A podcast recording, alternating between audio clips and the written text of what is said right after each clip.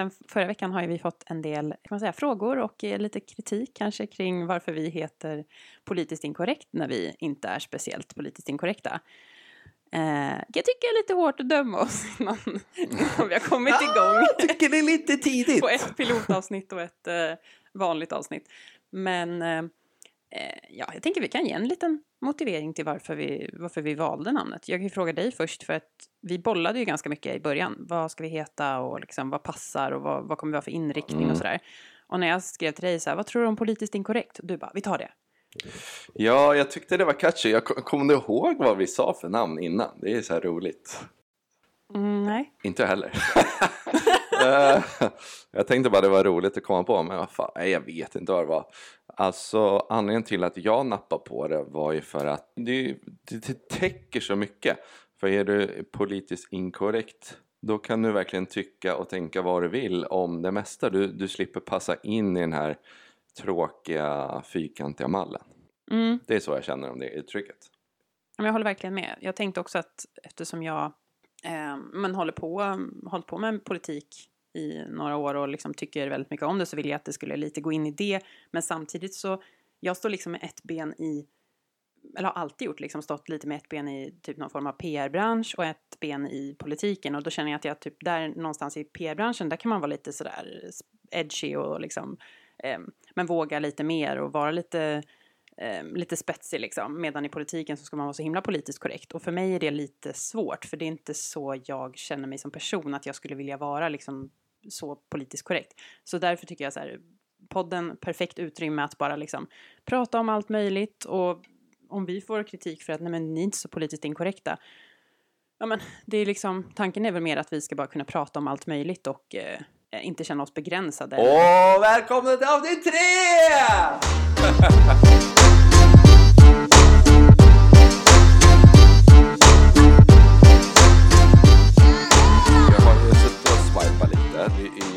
inte kanske det största utbudet ska jag säga i Varberg. Eh, ungefär alla över 25 är ju upptagna. Så Ja. jag måste ju ha min radie till Göteborg. Jag tror du skulle säga jag måste vänta tills alla de har gjort slut med sina Ja, så jag sitter här och väntar. Eh, Men det som jag upptäckt då, och framförallt vad jag inte tycker man ska ha är det här med, om vi pratar i bildväg. Vad, vad, framförallt, det första som jag inte gillar och inte förstår. Man tänker på Tinder. Eh, Tinder är, om vi bryter ner det ändå, det är, väl, det, det, det är både ytligt men ändå inte. För det enda du visar upp, det enda du kan visa det är, det är dig själv.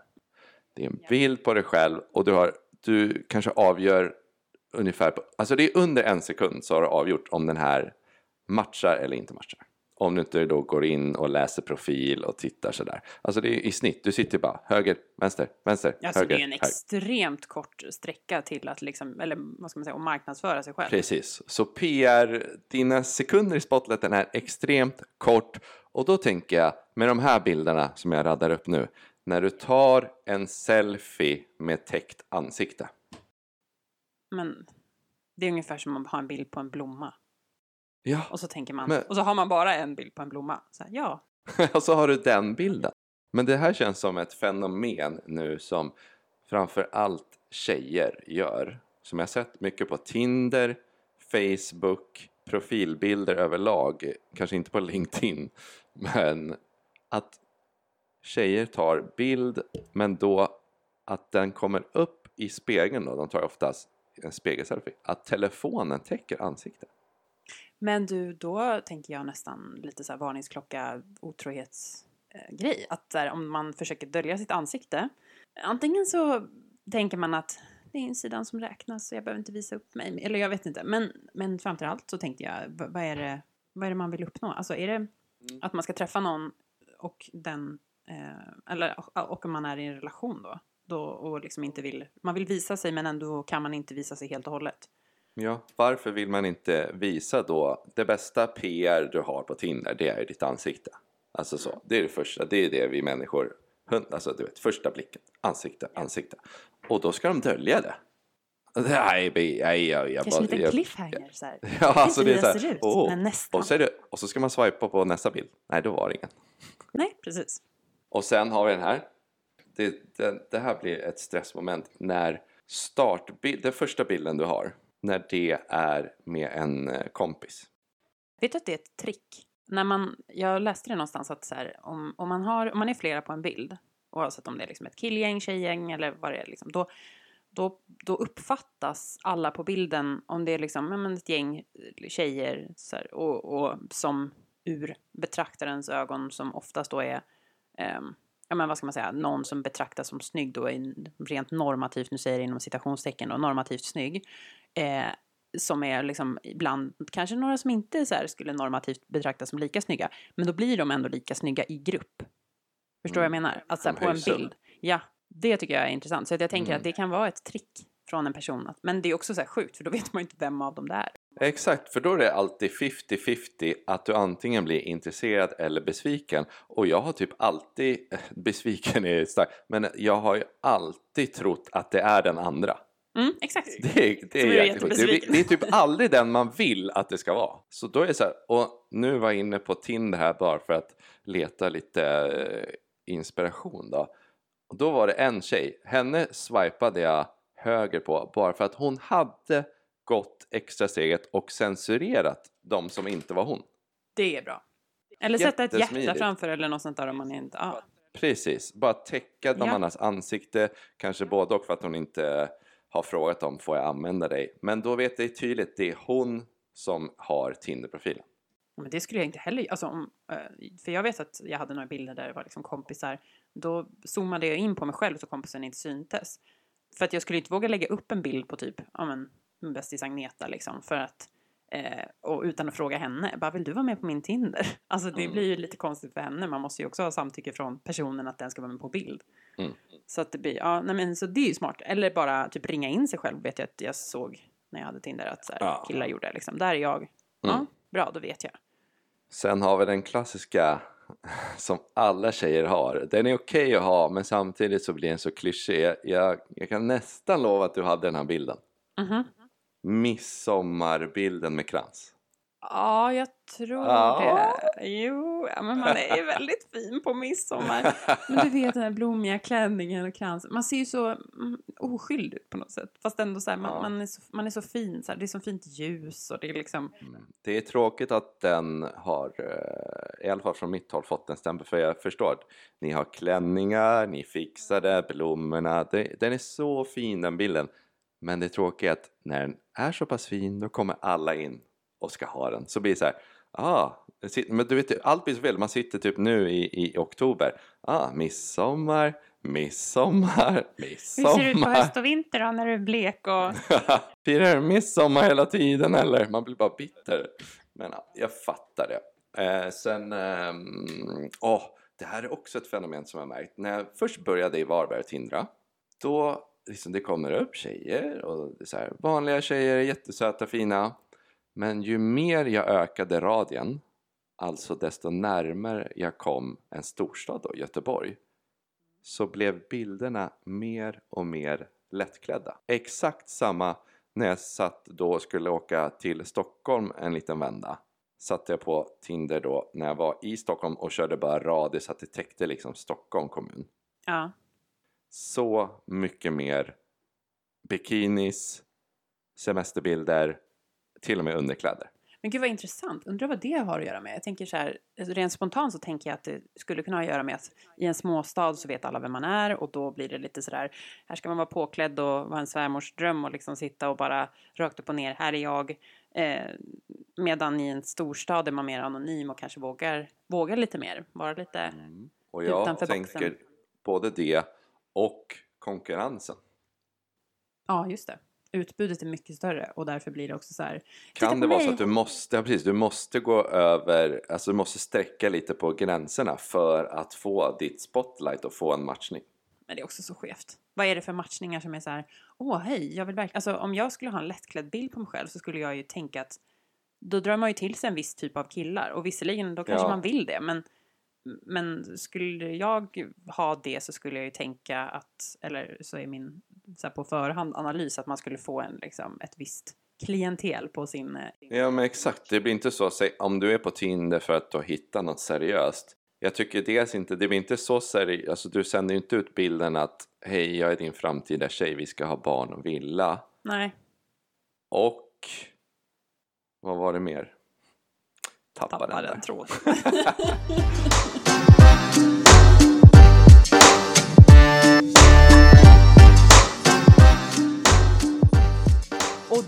här är också så himla viktigt. Det här med att skriva om typ så här söker enbart seriöst eller så här ja, eh, om du är oseriös, swipa vänster eller så här att man, man måste skriva det för att för jag lyssnade på någon, jag kommer inte ihåg vem det var som sa det här, jag ska inte ta cred för det själv för, men, men jag tycker att det var väldigt bra sagt att så här eh, skriv inte ditt bagage i din liksom text. För man vill inte veta så här vad du har för trauma sedan tidigare eller liksom eh, skriv inte om ehm, om du har sårat någon eller varit otrogen. Alltså, för då märker man ju att så här, okej, du har alltså varit med om det här och det är ditt trauma. Det kommer du kunna berätta för den personen om ni lär känna varandra. Men på förhand att på något sätt gå in med en negativ inställning, det blir, det blir inte bra. Så ta inte ditt bagage där, det är väl mitt största tips. Liksom, utan så här, absolut, om du söker seriöst så kommer du kunna skriva det till de som eventuellt är oseriösa. Men då beror det ju på så här hur du, hur du uttrycker dig i liksom text och bild också. Om du då har de här lättklädda bilderna, ja men då kanske du drar till det ganska oseriösa. Men har du inte det och får en massa oseriösa förslag, då kan du ju bara skriva tack men nej tack, unmatch.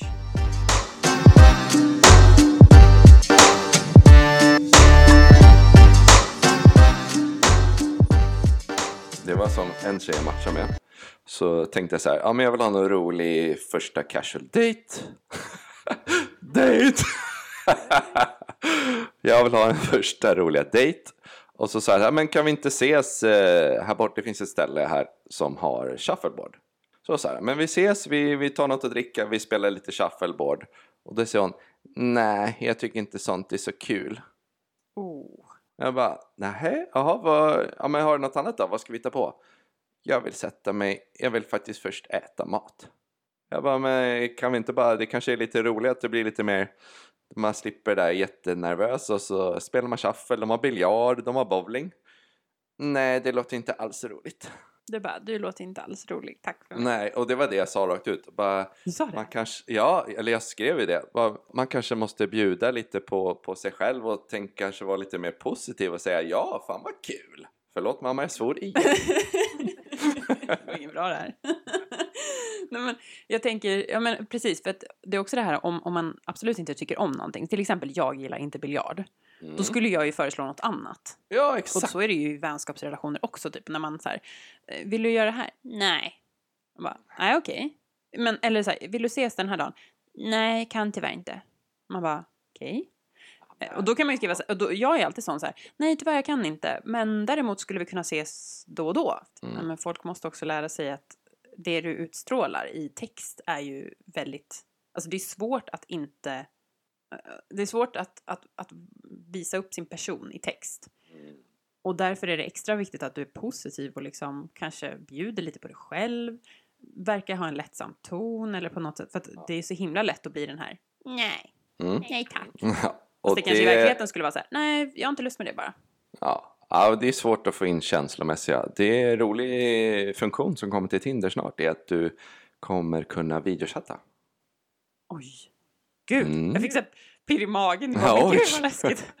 Eh, jag tycker det är faktiskt märkligt att de inte har lagt till funktionen att man kan skicka bilder till varandra i appen.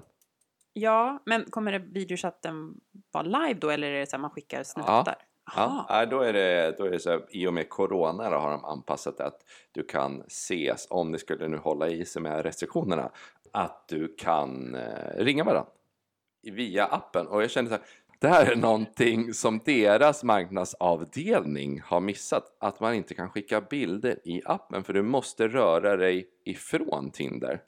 Jag vet inte om det finns, det finns garanterat någon baktanke, men för att kunna till exempel så här, de borde bygga in en Snapchat-funktion.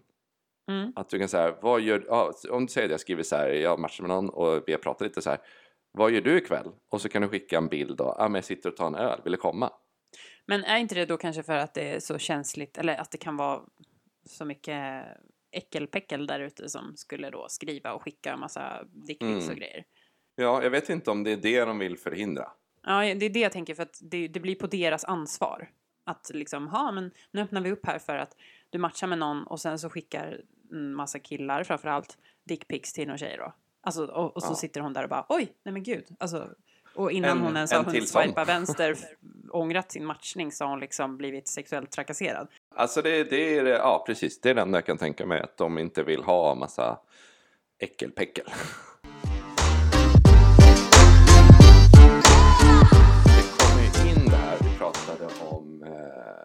Tinder, för jag hade en väldigt intressant matchning. Och jag satt och swipade här någon kväll, hade lite tråkigt. Och så får jag upp en profil, endast en bild på en solnedgång. Och då, då blev jag så här och bara, först, första reaktionen är så här, men vad är det för trött människa som, då tänker man så här, ja men det här är någon som är osäker i sig själv som inte tycker om sitt utseende. Så jag tänkte swipa nej, men i sista sekund ändrade jag mig och tänkte, jag skiter i det här, jag swipar ja, Hö, höger. Och så går det några timmar och sen så får jag pling, att det är en match. Ja. Eh, Så då går jag in och så skriver jag Hej, ehm, är du en solnedgång? Vad vacker du är. Och då svarar den här personen Nej, i, så här, haha, jag är ingen solnedgång. Vill du prata på Kik? Och Kik är då den kända så kallade otrohetsappen där man kan, eh, ja, man chattar liksom. Det är som en chatt, man chattar ju anonymt. Jaha, är det känt som otrohets... Ja, det är otrohetsappen. Mest utomlands. Ja. Jag vet inte varför, men det är för att den inte ska synas. tror jag. Ett meddelande syns ju bara i appen, inte i sms-inkorg och sånt där. Jaha, jag trodde det var liksom lite som, för jag, jag tror jag har haft Kik någon gång för hundra år sedan, men att det var lite som Snapchat, att man kan skicka bilder. Ja, exakt. Det är exakt som Snapchat fast en annan plattform. Alltså det är inte fokus på bilderna, det är fokus på att skicka meddelanden. Liksom. Mm.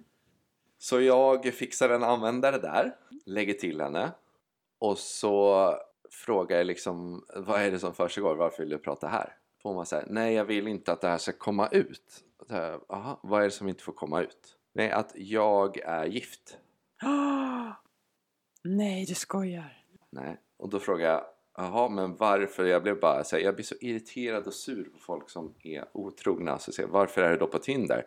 Men då säger hon att hon och sin man, jag vet inte om det är sant, men hon och hennes man har öppet förhållande. Ja. Eh, är det sant eller inte? Ingen vet. Nej. Eh, men då skickar hon då en bild på sig själv.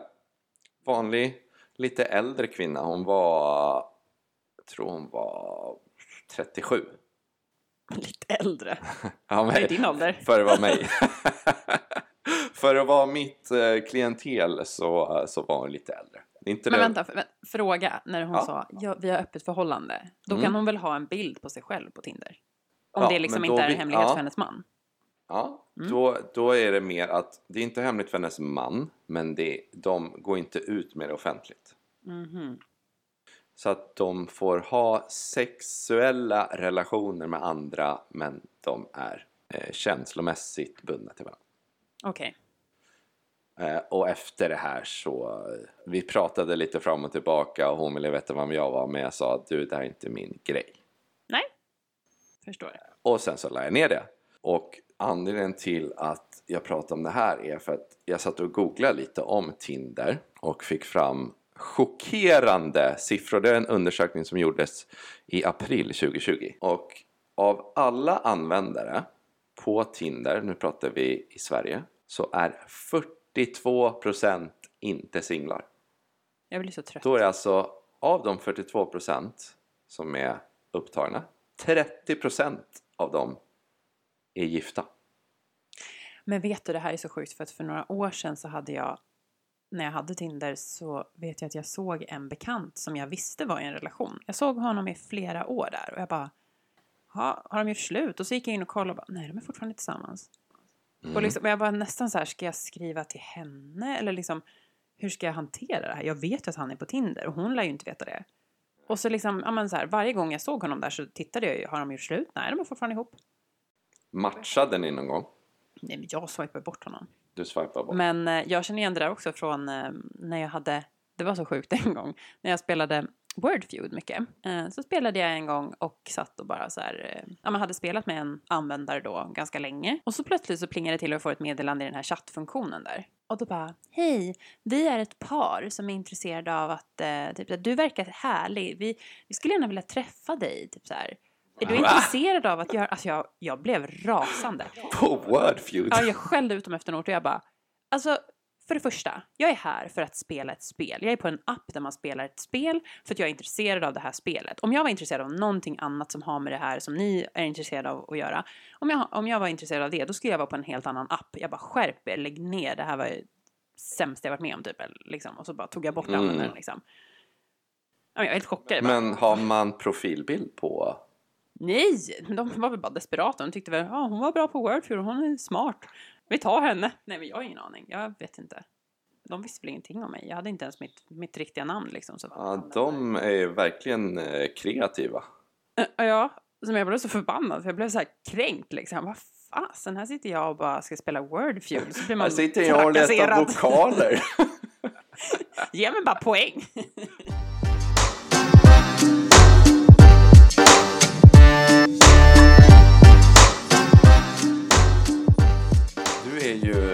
stjärntecken lejon som jag. Hur rank, eller eh, självförtroende, tycker du att du har det? Det tycker jag. Och din självkänsla, tycker du att du... eh, har du... Eh, vi skiter i det, kommer inte på vad jag ska säga där. Nej, men jag kan säga så här. Jag, jag skulle säga att genom åren, genom hela faktiskt eh, min uppväxt så skulle jag säga att min självkänsla har faktiskt varit starkare än mitt självförtroende. Eh, vilket jag tror att många skulle här, säga att de har jobbat fram. Liksom. Så jag vet inte, jag, jag, jag tror alltid att jag har haft en liksom, bra grund att stå på. Att jag, jag har försökt att inte vara eller att, att på något sätt så här, för det är ju det att man, man har ett värde i sig själv. Det är många som blandar ihop självkänsla och självförtroende. Mm, jag tänkte, du, du är bra på att förklara. För snabb förklaring bara, vad, vad är skillnaden? Självkänsla handlar ju om att man är liksom vem man är utan sina prestationer. Mm. Eh, att, att liksom ha ett, eh, alltså tro på sig själv, att jag, i, jag som mig själv i personen är, duger liksom. Medan självförtroende är på något sätt den lite ytligare varianten då där du, du är dina prestationer. Eh, och att man... Oh, vad bra jag var på att förklara. Eh, Så att självkänsla, eh, exempel då på låg självkänsla är att du är väldigt självkritisk. Du har väldigt precis. negativa glasögon på dig. Jag har jättestark kritik mot mig själv i liksom prestationer i skolan, jobb, allt sånt där. Det är liksom lite lågt självförtroende. Sen är självkänslan då att jag vet att så här, men jag är en bra människa ändå. Eller att jag, jag är fortfarande att jag tycker att jag är en bra person, jag älskar mig själv. Mm. För jag eh, hade en rolig diskussion med några vänner för ett tag sedan. Mm. Och då fick jag frågan eh, ranka dig själv på en skala 1 till 10 om vi tänker då utseende, kunskaper, och, alltså allt som allt. Ranka dig själv på en skala 1 till 10. Nej men gud, nej men alltså jag vill faktiskt inte svara på det här. Det här, det här tycker jag är så jobbigt. Åh gud, nu fick jag sån ångest. Och du ska inte tänka på vad andra skulle sätta på dig, du ska bara tänka på så här, helt utan bara baktankar. Vad är första siffran som kommer upp? Sju? Sju? Mm. Det, är, det är ett förvånande svar ska jag säga. Jaha. Högt eller lågt? Högt i, för att det roliga här är jag körde själv det här. Jag skrev runt eh, det här till lite vänner så skulle de få svara då. Och överlag, tjejer snittade på, av 1 till 10 snittade tjejer på 4. Nej. Jo. Och då blev, jag, då blev jag nästan arg att varför tror du så lite om dig själv? Och killar snittade på 67. Ja, vad förvånad jag blir. Något. Så det är väldigt kul att du är en av väldigt få tjejer som lägger din ribba högt. Ja. Och jag tycker inte att man ska skämmas för det. Det som jag tycker att det är jättetöntigt med jantelag. Jag tycker att det är jättetöntigt att man inte kan få skryta och säga att man är bra på någonting. Och visst, det kan sticka folk i ögonen och att man kan så här säga att jag älskar mig själv eller jag tycker att jag är bra som jag är eller så. Eller att man säger att man är snygg eller vad det nu än är. Man, du är duktig på att sätta det i ett större perspektiv. Vi körde dock bara utseende. Mm. Eh, Så det här var en modifikation jag gjorde. Jag satte utseende på mig själv 7 och det var i grund och sen fixa mig i ordning om jag verkligen är om jag går på den mallen man har den här drömmallen av sig själv i huvudet. Man har en liten fin solbränna man har kört lite ansiktsmask, fixat hår och klippt dig. Du har, så här, du har gått två veckor efter frisörtiden. Du, alltså, du, du, och du har din snyggaste outfit. Stark åtta. Men, och då ska man i, i, i, i relation en för att gå från åtta till nio, det är ett stort steg och Ja. gå från 9 till att vara perfekt vi snackar Brad Pitt 10 det är ett ännu större kliv så 8 den är stark men det är en bit upp till 10 jag kommer inte komma dit jag är nöjd att vara 8 Mm. men om vi säger eh, ranka mig själv om jag tänker på overall 8 Ja, nej men när du sa jag skulle liksom ranka utseende, person och allting. Jag tycker det är så svårt, alltså ja. Jag, ty- jag, kan, jag kan också säga att i så fall, jag kan också säga åtta Mm. då. Nej men för att jag tänker att om man, om man tänker som person så här, om man, det, alltså, om man utgår ifrån andra människor eller hur man uppfattas av andra och vad man får höra av andra så tänker jag att jo men folk vill vara med mig, folk vill, nej. Nej men förstår du, att man, Mm. man är uppskattad av andra, får ganska sällan kritik för att så här, du var inte schysst eller du gjorde det och det. Och, så, och jag tycker väl att det, det liksom man ska basera det mest på är väl om man är en bra människa. mm. sunda värderingar Gör man bra val, är man schysst mot andra. Då skulle jag säga åtta också. och eh, så är vi snygga också 9 Ja, exakt. Och sen så slänger man på lite solbränna på det så blir det en klockren tia. om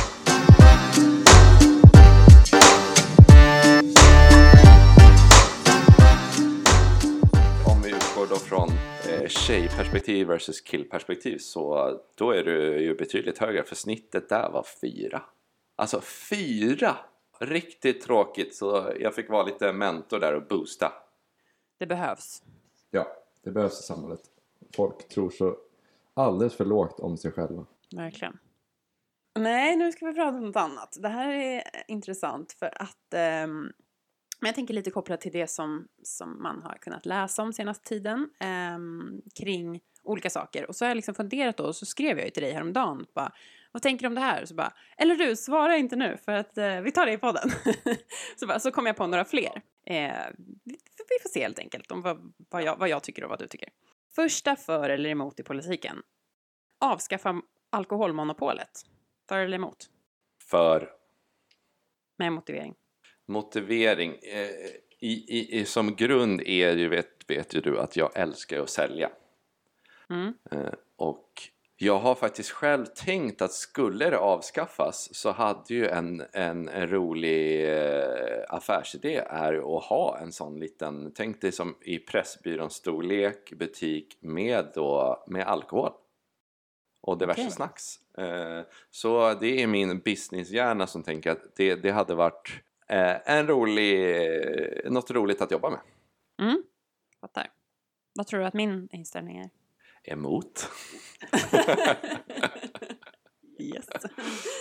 Men med motiveringen så här att eh, det, vi har ju redan, alltså jag tycker inte att det är snålt med öppettider. Det är många som pratar om att så här, "Ja, men Systembolaget borde ha öppet på söndagar, Systembolaget det borde öppnas upp mer och så här. Det finns ju andra som, som säljer alkohol. Alltså det finns ju, ja, jag ska inte göra någon marknadsföring för någon annan, men det finns ju olika liksom, sajter där man kan faktiskt köpa.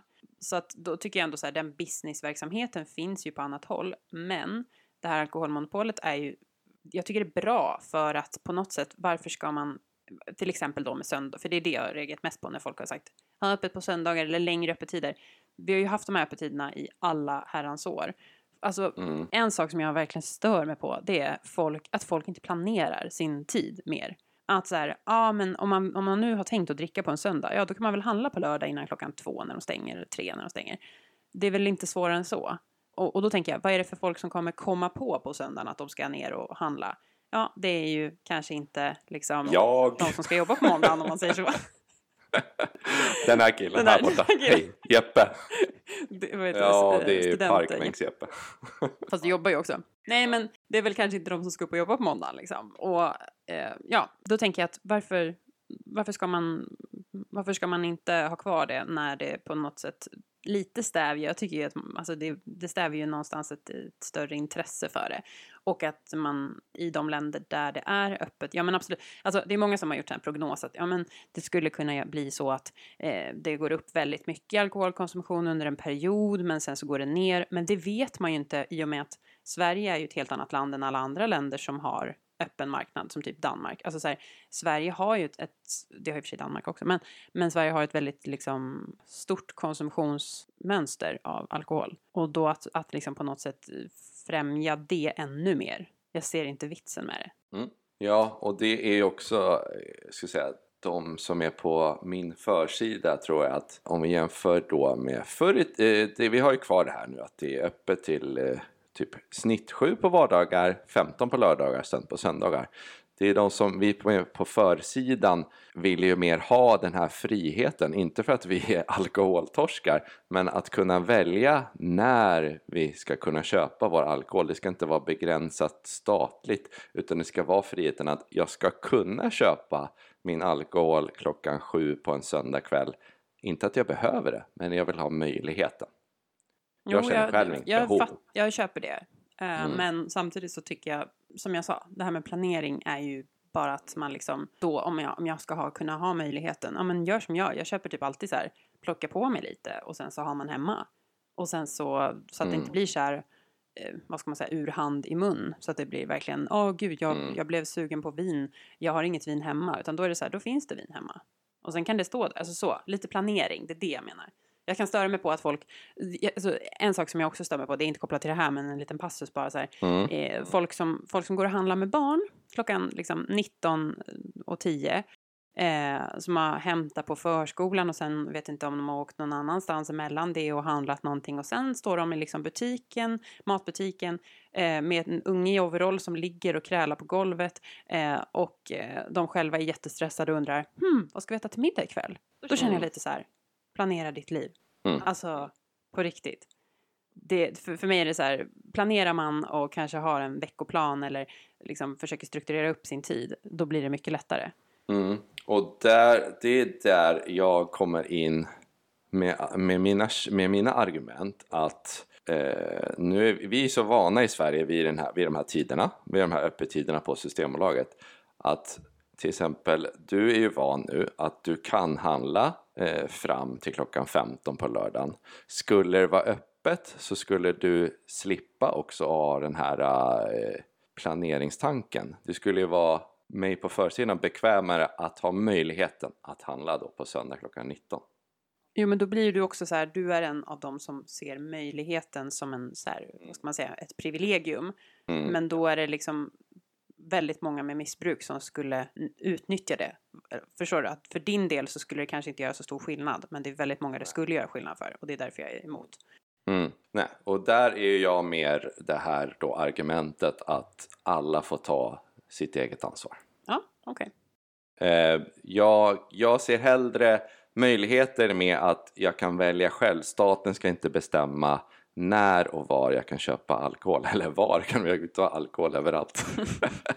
Men jag vill ha möjligheten. Jag vill inte känna mig begränsad att jag måste gå till Systembolaget en viss tid. Jag vill kunna springa ner och köpa en brewski. Eller kanske en liten kava.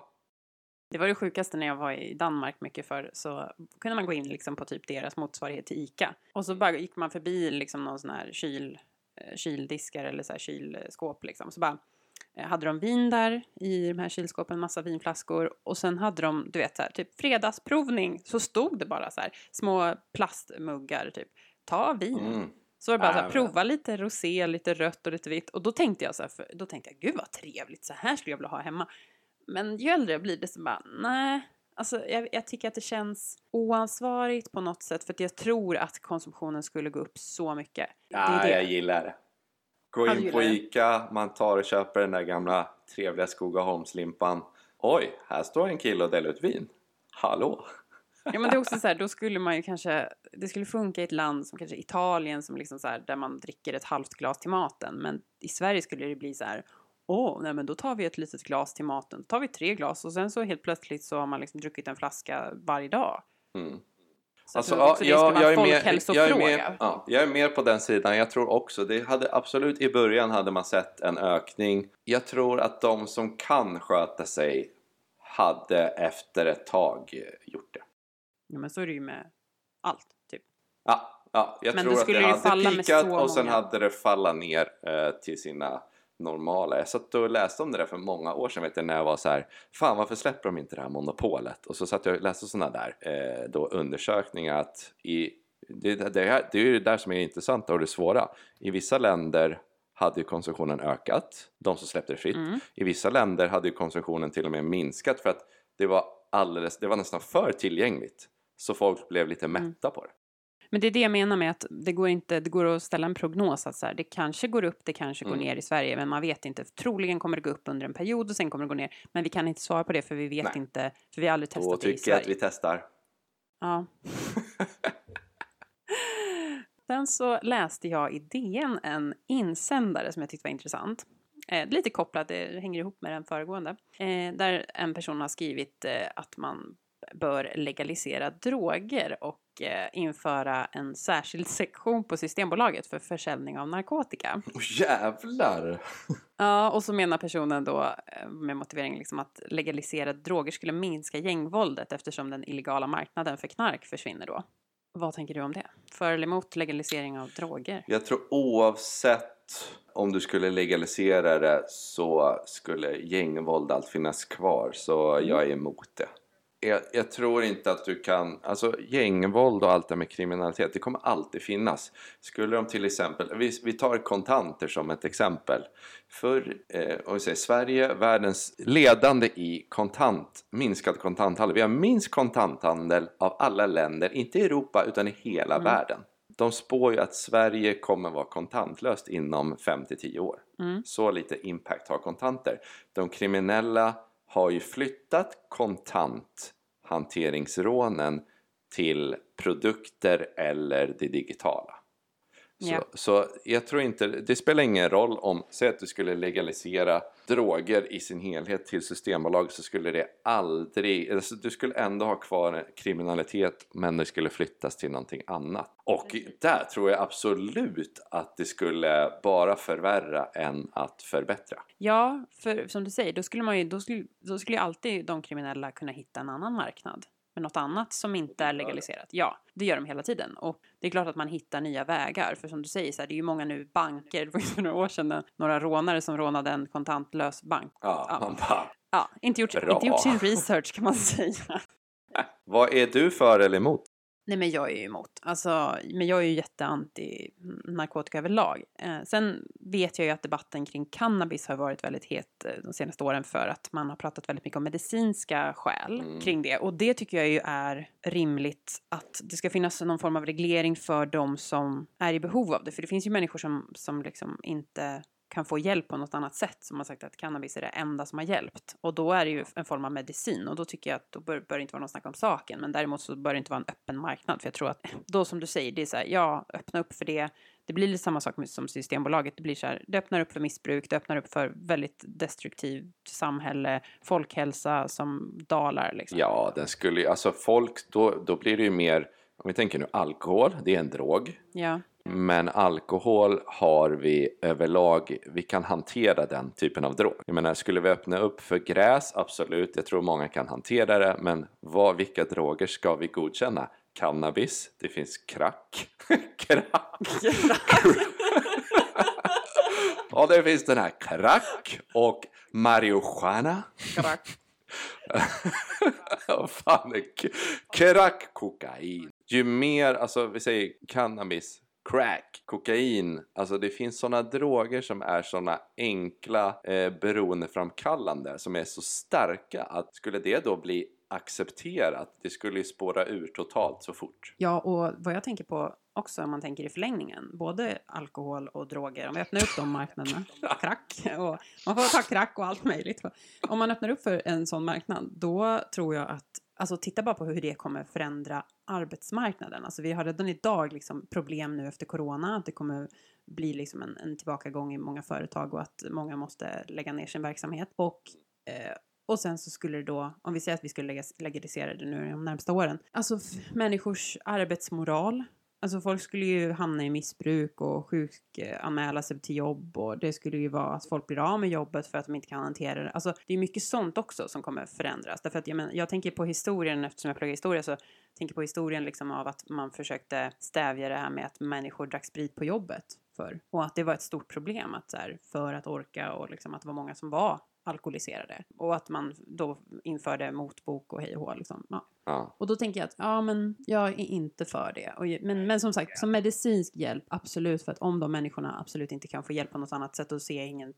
Ja. Nej, inget hinder för det. Alltså, vissa känner ju bara att alternativ då, medicin som det kallas, att det hjälper bättre än vanlig vetenskaplig medicinering. Exakt. Så fine, men samtidigt då ska de få det utskrivet och hämta det på apotek. Ska man ha så här, ja men jag köper, gå till systemet, köper, ja men jag köper en platta bärs och en femma gräs. Alltså, Ja, men fatta hur många människor som skulle ja, men, Ja. ligga hemma deprimerade, må piss liksom. Ja, det skulle leda till, det skulle leda till mer förstörelse än nöje. Exakt. Ja men bra. Jag kom på en annan sak i, i koppling till det här. Jag hade faktiskt inte skrivit ner det. Men jag bara Mm. kom på det nu. Att så här, hur ställer du dig till dödshjälp? För Med motiveringen? motiveringen är att jag själv har pratat med då personer som är mycket äldre än vad jag själv är och det, det är tråkigt, jag, jag blir så ledsen när jag ser det för jag själv har väldigt mycket livsglädje, jag tycker det är jättekul att, att leva oavsett om man är glad eller ledsen så har jag en väldigt positiv inställning till livet. Det, livet det går så fort men jag försöker i alla fall göra det bästa jag kan och ha så roligt på vägen. Mm. Men eh, jag blir väldigt ledsen när jag ser och får uppleva som eh, och se en gammal person ha tappat det och bestämt sig för att nu vill jag inte leva längre. Att de känner de har nått till en gräns att de är nöjda. Det, det gör mig jätteledsen men samtidigt respekterar det för det är deras liv och det är ingen annan som ska bestämma över vad de vill med sitt liv. Nej. Och känner man då av olika skäl, du kanske har blivit väldigt sjuk och mår så pass dåligt att du inte ser något positivt, alltså det, det drabbar dig bara än att hjälpa dig. Absolut, vill du tyvärr då avsluta ditt liv, det är upp till dig. Det får du absolut, det får du absolut, det, det, jag står helt bakom det. Att vi skulle ha det i Sverige, om man vill. Men hur tänker du rent praktiskt att det ska gå till? Eh, alltså då, då krävs det ju verkligen eh, rejäla, alltså säg, säg att jag är 80 bast, min kropp har lagt av, jag ligger bara sängliggande och det finns inga, alltså det finns ingen chans till att jag ska bli bättre. Eh, då får det krävas liksom rejäla utredningar, alltså seriösa rejäla utredningar för att det ska få gå igenom. Hur man nu ska lösa det, ingen aning, men ehm, det, det skulle säkert gå att lösa genom, eh, ja, jag vet inte vad, ska- vad ska man kalla det. Alltså, du får ju ha rejäla utredningar som eh, man får gå igenom och så får ju man ha då doktorer, kanske psykologer, Jurist? jurister. Du måste ha allting där som, eh, som gemensamt tar ett beslut att det får gå igenom. Alltså att det, den här personen är eh, redo. Mm. Och där är det ju liksom två olika delar för du, du kan ju antingen ägna dig åt eh, aktiv dödshjälp och liksom ge personen en, Mm. en, dr- eh, ett eh, gift eller någon form av liksom medicin som gör att du inte vaknar igen. Mm. Ehm, eller då passiv att den personen själv får någonting som gör att den kan ta, det är väl framförallt då något preparat som man kan ta som man somnar in och aldrig vaknar. Jag håller verkligen med dig för att jag tycker att det är en, det är en svår fråga men det är samtidigt så viktigt tycker jag att så här, jag tycker också att det är hemskt med människor som absolut inte vill leva. Det, det är ju såklart hemskt att de inte vill leva men det är hemskt att när man väl har bestämt sig för jag har också eh, personer i min närhet som har liksom varit äldre och inte velat leva mer och att då de måste liksom tvingas ja men typ sluta äta eller bara bestämma sig för att jag vill inte leva längre. Men att de inte kan göra någonting åt den, alltså den utdragna processen när de, när de känner att de är klara här i världen. Att då någon liksom tvingar dem att nu ska jag bara härda ut här. Jag kanske behöver leva tre år till, men jag vill egentligen dö idag. Alltså, då tycker jag också att det, det borde finnas ett system för det. För det är också orimligt att människor som sitter kanske och aldrig, de kanske inte ens kan röra sig. Det är inte rimligt att de ska ta sig ner till Schweiz för att få hjälp, aktiv dödshjälp liksom. Nej. Jag tycker det är helt absurt att så här, då det, och att man ska få avsluta sitt liv i Schweiz om man är från Sverige eller liksom, ja. Mm. Man kan åka dit men ja, varför ska man inte kunna göra det i sitt eget land om man själv vill det? Du har skrivit på alla papper. Exakt, det ska ju vara väldigt mycket byråkrati emellan så att det inte blir det här. Där, för det det är det det man är rädd för att Ja, det var byråkrati. Eh, väldigt mycket byråkrati för att det ska liksom kunna gå igenom. För annars så sitter vi där och har en massa människor som bara, ja men hon vill ju dö. Och sen så, ja, är det mord eller är det dödshjälp eller vad var Alltså, det är ju det man vill stävja med, med att, antar jag, med att man inte har legaliserat det. Men jag tycker att det är sjukt att så här, nej, men då, Anna-Britta, då får du leva ett tag till här fast du inte vill. Alltså, man bara säger, hon kan varken röra sig, hon sitter i rullstol, hon, är, hon vill bara dö. Ja, så ska man inte få välja det själv. Det är sjukt. Det är inte liberalt tycker jag. Jag tycker att det är på något sätt Ja, är... man ska ha frihet att välja över sitt eget liv. Exakt. Ah, vi tar en jingel på det för nu blev det så deppigt där. Alltså.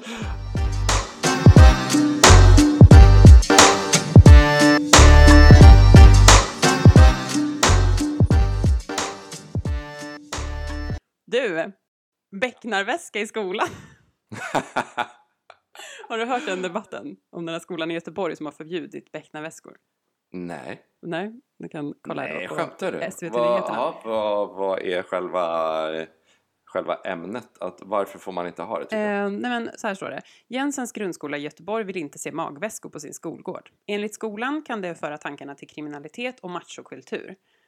Eh, men vad är det egentligen som avgör om ett plagg signalerar kriminalitet, kriminalitet eller modemedvetenhet? Ja, shit. Nej men gud vad överdrivet. Ja. Ja, nej, alltså det går så för långt. Jag menar, jag har själv en så kallad becknarväska. Och det är typ det bästa jag har någonsin köpt. För att innan det här måste jag ha, säg, jag har torra händer så jag vill gärna ha handkräm. Man vill ha, det jag har i min becknarväska är handkräm. Det är en laddkabel.